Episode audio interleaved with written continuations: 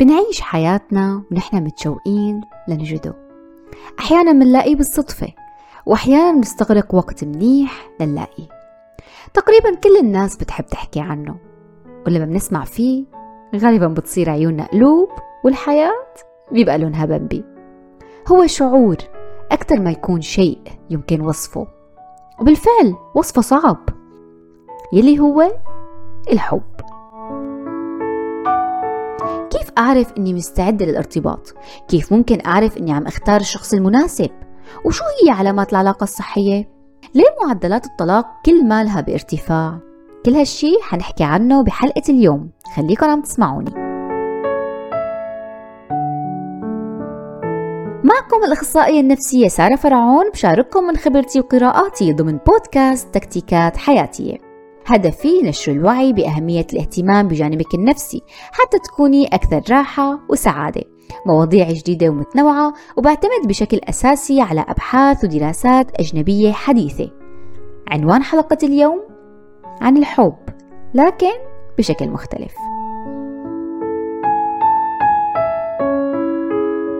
الحب شعور كتير حلو. من أجمل الحالات اللي ممكن يعيشها الإنسان. تجربة الوقوع بالحب تصنف من أجمل التجارب يلي ممكن نعيشها مثل التخرج، الإنجاب، السفر وركوب طيارة لأول مرة. بتكوني ماشية بالطريق فجأة بتصادفي شاب وسيم بتعجبوا ببعض بيطلبك من أهلك وفجأة تختفي كل مشاكلك وكأنه هو المارد السحري. سبحان الله.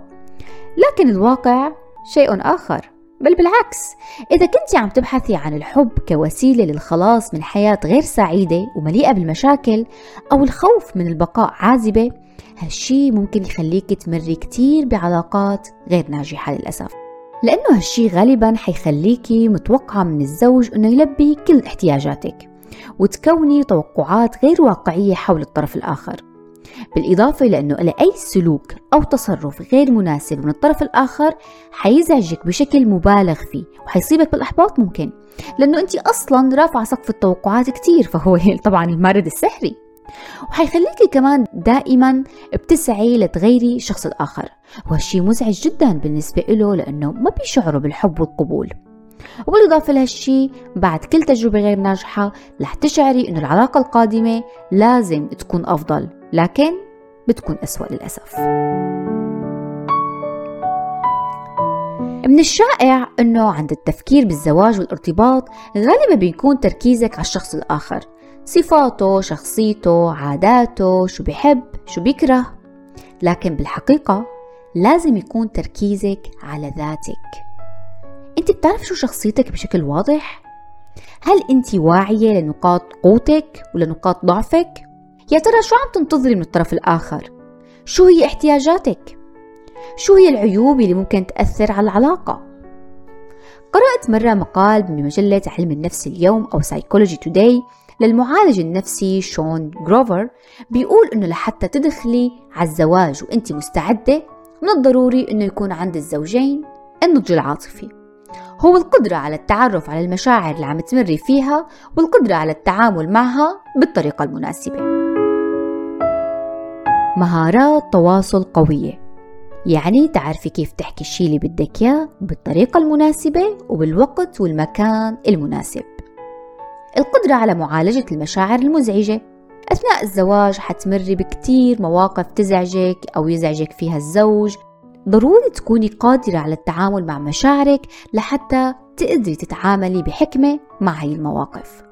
وأخيرا القدرة على تحمل الإحباط دون اللجوء إلى سلوك هدام الزواج ما له مثل قصص ساندريلا وديزني. بدنا نتعرض للإحباط بدنا نمر بأوقات مواقف صعبة. لهيك لازم نكون مهيئين لنعرف كيف نتجاوز هالأوقات الصعبة. بسلام. تنمية هالصفات أحد أفضل الطرق للتحضير لعلاقة صحية ومستدامة. ولما بتقيمي نفسك وشخصيتك وتتعرفي على ذاتك أكثر من خلال هالصفات رح تعرفي أكثر إذا كنتي مستعدة للارتباط أم لا. وحتى لو كنتي مرتبطة وكنتي فاقدة لبعض هاي الصفات مجرد وعيك بنقاط ضعفك حيعطيكي قوة ووعي بكيفية التعامل مع المشاكل يلي ممكن تواجهك بالعلاقة. مو بس هيك. التعرف على ذاتك وتطوير نفسك من الداخل حيفيدك جدا بالزواج والارتباط فعلاقاتنا العاطفية والاجتماعية بشكل عام هي انعكاس لعلاقاتنا مع ذاتنا أو لحياتنا الداخلية كيف تنظري لنفسك؟ كيف بتخاطبي نفسك عادة؟ هل بتصفي نفسك بالفشل؟ أو بأنك غير جميلة مثلا؟ أو أنك غير ذات قيمة أو جدوى؟ إذا إجا شخص وعفوا قلل من قيمتك أو وصفك بصفات غير جيدة. كيف حتكون ردة فعلك؟ حتكون ردة فعلك عادية وحتصمتي وما تردي بشي؟ لأنها هي نفس الطريقة اللي بتوصفي فيها نفسك. هي الكلمات مألوفة. حدا خبرك فيها من قبل. سمعتيها من الداخل من داخل عقلك. ما في شي جديد. ليه أبدي أي ردة فعل؟ ممكن تبدي ردة فعل وتزعلي لكن حتكون ردة فعل غير متناسبة أبدا مع الفعل والحدث يلي صار. فلهيك العلاقات بتساهم بتحديد هويتنا وتشكيل شخصيتنا. نحن على ما نحن عليه كنتيجة لعلاقاتنا لأن الملاحظات والانتقادات اللي بتتوجه لنا من العلاقات اللي نحن فيها بتأثر بذواتنا. لهيك من الضروري جدا تقيمي علاقتك العاطفية باستمرار وتشوفي كيف عم تأثر فيكي وبأفكارك بمشاعرك وسلوكك. هل يا ترى جعلت منك شخص أفضل ولا دائما انتقادات وملاحظات سلبية؟ بيقول قيس بن الملوح أتاني هواها قبل أن أعرف الهوى فصادف قلبا خاليا فتمكن. لبناء زواج ناجح من الضروري أنه يكون قلبك وعقلك عندهم فكرة عن شخصية وملامح الشخص اللي بحاجة أنك ترتبطي فيه. لأنه إذا ما كنتي عارفة هي الصفات ومحددتيها فأي شخص ممكن يكون مناسب إلك. فصادف قلبا خاليا فتمكن. خلي ببالك بعض المعايير. والمعايير الأساسية اللي من الضروري تحطيها ببالك وقت اتخاذ قرار الزواج والارتباط هي الشخصية القيم المبادئ الصفات الشكلية والعادات. هحكي هيك بشكل مختصر عن كل معيار أساسي من هي المعايير.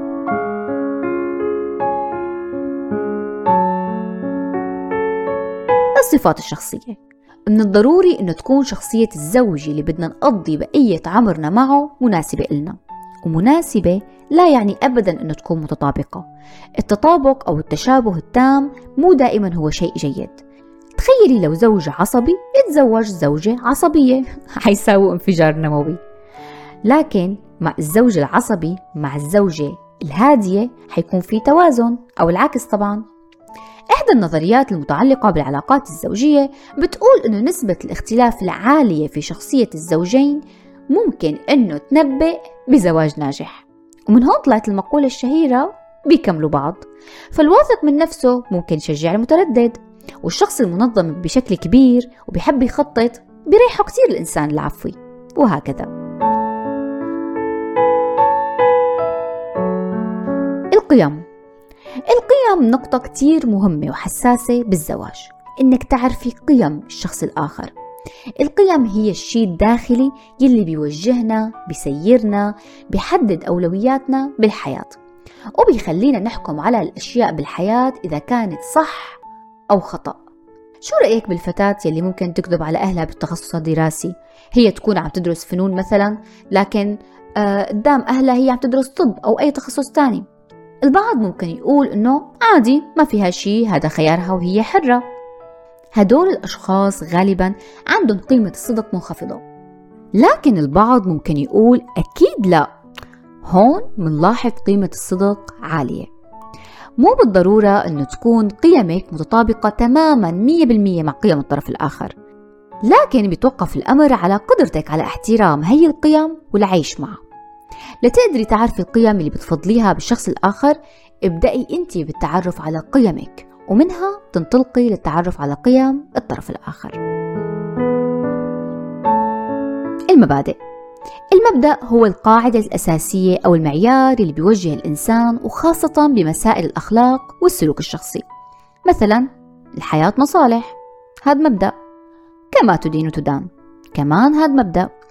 فهو مثل قانون بيمشي عليه الإنسان بالحياة. من الضروري جدا أنه تكون مبادئك متوافقة مع مبادئ الشخص الآخر اللي بدك ترتبطي فيه. هون مجال تقبل الاختلاف ضيق كتير. تخيلي تتزوجي إنسان مبدأه بالحياة الغاية تبرر الوسيلة. ممكن يعمل كل شيء بسبيل تحقيق غايته أو تحقيق الشيء اللي بده إياه. ممكن يسرق يكذب يخون أو مثلا يكون مبدأك بالحياة الدين هو أساس الحياة. تقومي تتزوجي إنسان غير ملتزم أبدا. مستحيل تتفقوا. ومن المبادئ كمان الأساسية أو من المعايير الأساسية أثناء اختيار الزوج الصفات الشكلية. الانجذاب الجسدي مهم ومن الضروري يكون عندك فكرة عن الملامح العامة اللي بتحبي انتي إنها تكون موجودة بالطرف الآخر. سألوا قيس بن الملوح عن سبب حبه لليلى. وهي كانت مالها جميلة. فشو قال لهم يا حذركم؟ ومن منكم يرى ليلى بعين قيس؟ فالمهم إنه يكون جذاب وملفت بنظرك انتي بس. وأخيرا العادات. العادة هو الشيء اللي نحن دائما بنعمله وبنكرره. هو الشيء اللي اعتدنا على فعله. اسألي نفسك شو هي العادات اللي أنت بتقدري تعيشي معها؟ وشو هي العادات اللي مستحيل تتقبليها في حال تقدم شخص لخطبتك اسألي نفسك شو هي عاداته يا ترى شو هي عاداته السيئة تعرفي على عاداته السيئة قبل عاداته الإيجابية لأنه نحن كبشر كلنا عنا عادات سيئة فسؤال مهم المفروض تسألين نفسك هل أنا بقدر أتقبل هي العادة السيئة؟ هل بقدر أعيش مع هي العادة السيئة طول حياتي؟ تدخين مثلا هل أنا بقبل أو بقدر ارتبط بشخص مدخن؟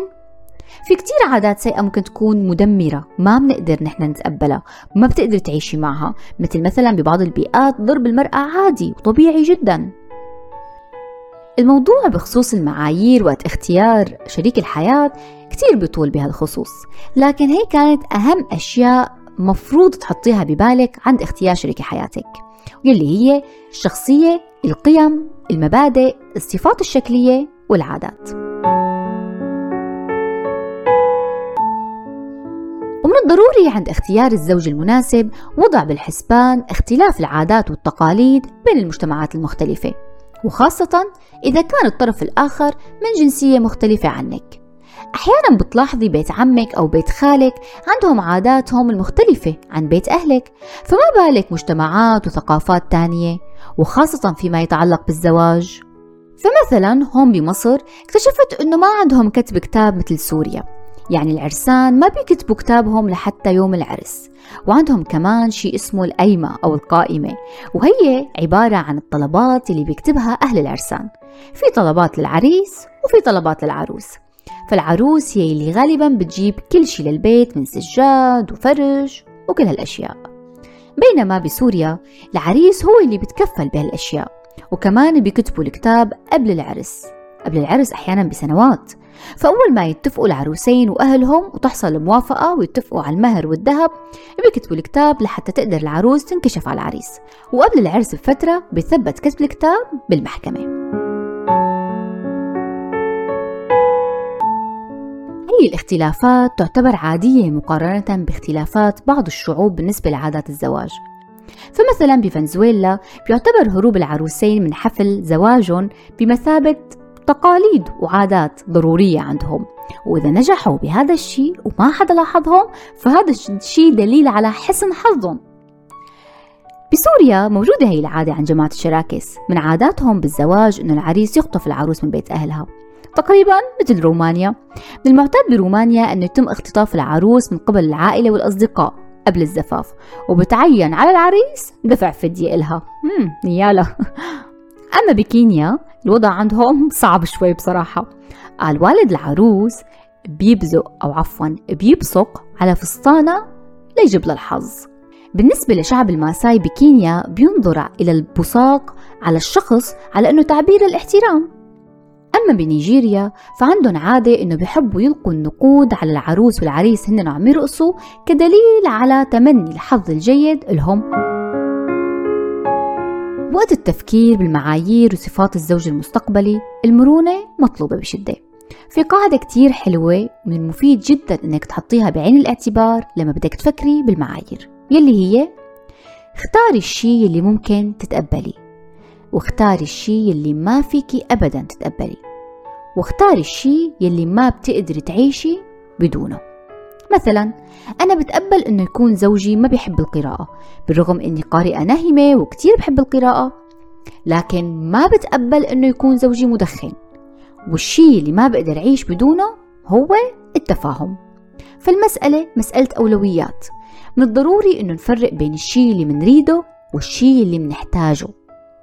نحن بنحتاج الأكسجين بنحتاج الطعام بنحتاج الماء لأنه ما بنقدر نعيش بدونهم.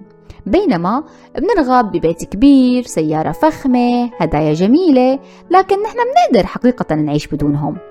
فتذكري أنه مو ضروري أبدا أنه تكون نسبة التوافق بين قائمة المعايير الخاصة فيك والشخص اللي بدك ترتبطي فيه 100% 70% نسبة مقبولة. فمثل ما حكينا المرونة مطلوبة جدا. وبعد ما تفكري بهالأشياء ممكن تتناقشي فيها مع خطيبك أو الشخص اللي بدك ترتبطي فيه وشوفوا مدى التوافق بينكم.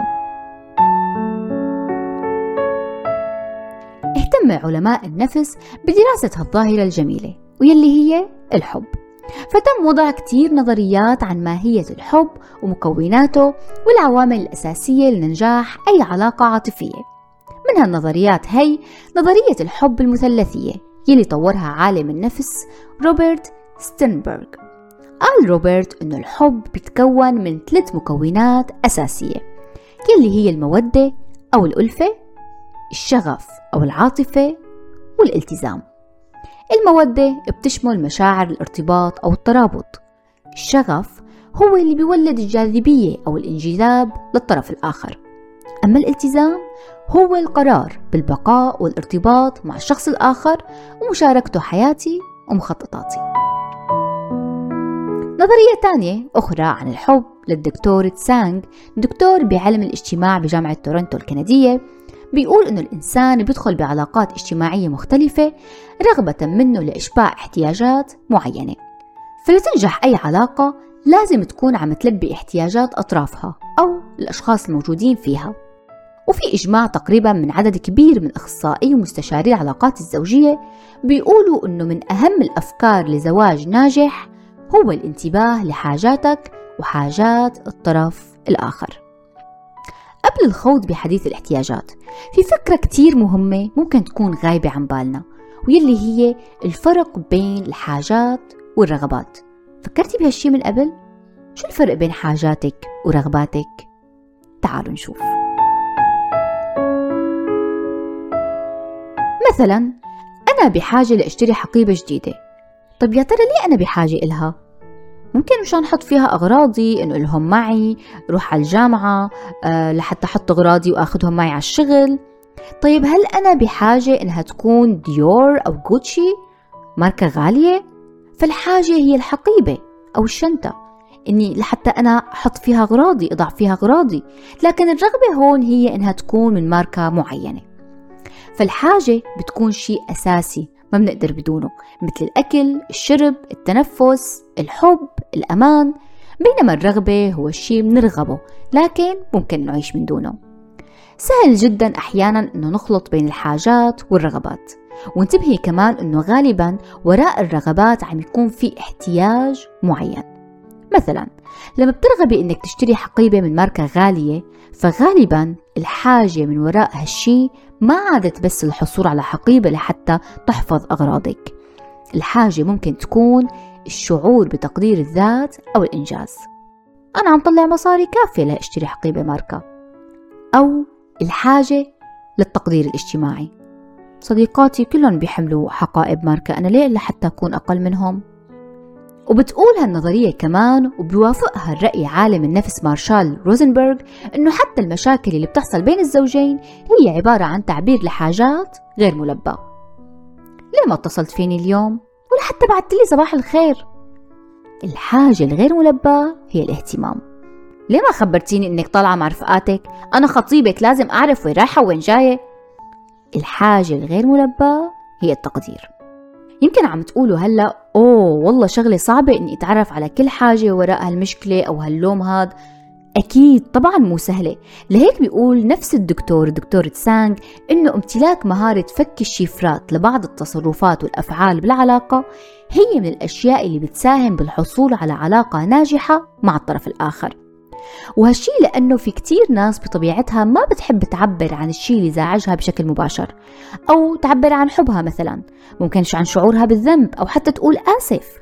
بعض الرجال بيشوفوا هالشي عيب الاعتذار للزوجة أو الأولاد وهالشي موجود بكتير ثقافات شرقية وآسيوية حتى. فبدل قول آسف ممكن يشتري هدية يعمل فنجان قهوة أو يرمي نكتة.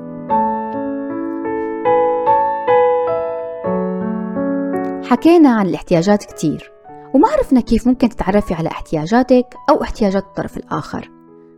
على فكرة مو ضروري تسأليه بشكل مباشر. ملاحظة بسيطة لتصرفاته وأفعاله ممكن تمكنك التعرف على احتياجاته. ممكن تسألي نفسك هي الأسئلة وتجاوبي عليها. يا ترى شو عم يحاول يحقق بحياته؟ بيهتم بمظهره، سيارته، موبايله أكثر من كل شيء؟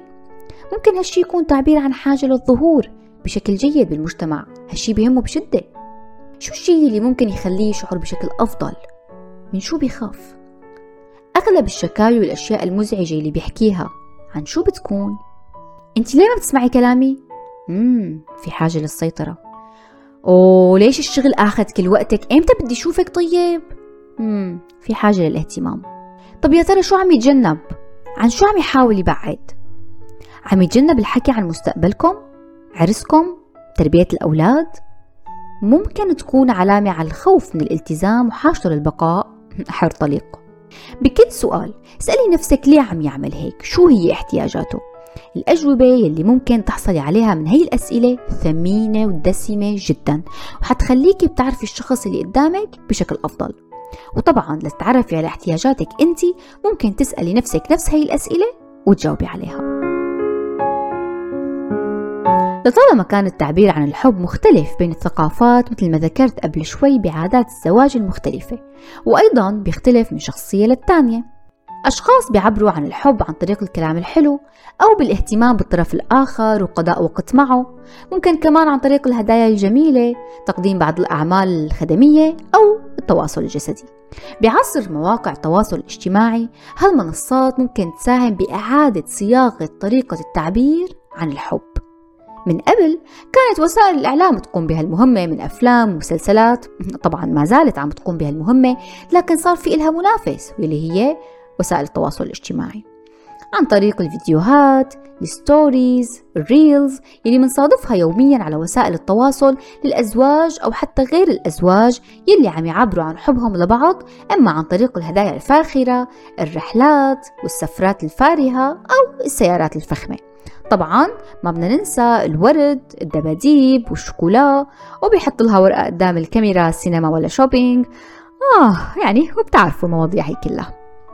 التعرض لهالفيديوهات نعم ممكن يصيبنا بالتنهيدة هي لكن بالإضافة لهالشي ممكن يأثر سلبيا على العلاقة مع الزوج وهالشي بسبب المقارنات اللاواعية يلي بتبدأ تصير ببالنا فبتتولد عنا رغبة انتبهوا إنها رغبة وليست حاجة بتتولد عنا رغبة بالحصول على الأشياء يلي عم نشوفها فبنرغب بهالسفرة ببوكيه الورد أو خاتم هالألماس.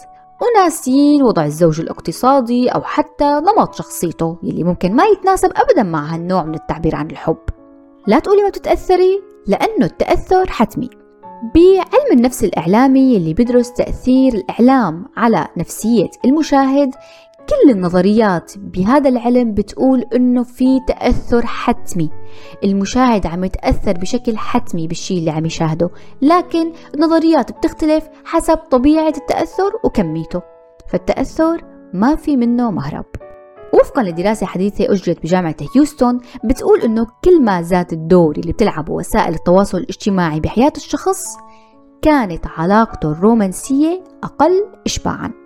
التأثيرات السلبية لوسائل التواصل الاجتماعي على علاقاتنا ما بتتوقف هون.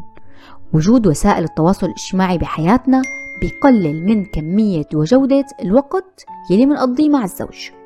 بالإضافة لأنه بتخلي عنا توقعات عالية وغير واقعية للعلاقات العاطفية يلي بنطمح لها ونوع المعاملة يلي بننتظرها فالحياة اللي بتشوفيها على ال reels وال stories ما لها حياة واقعية.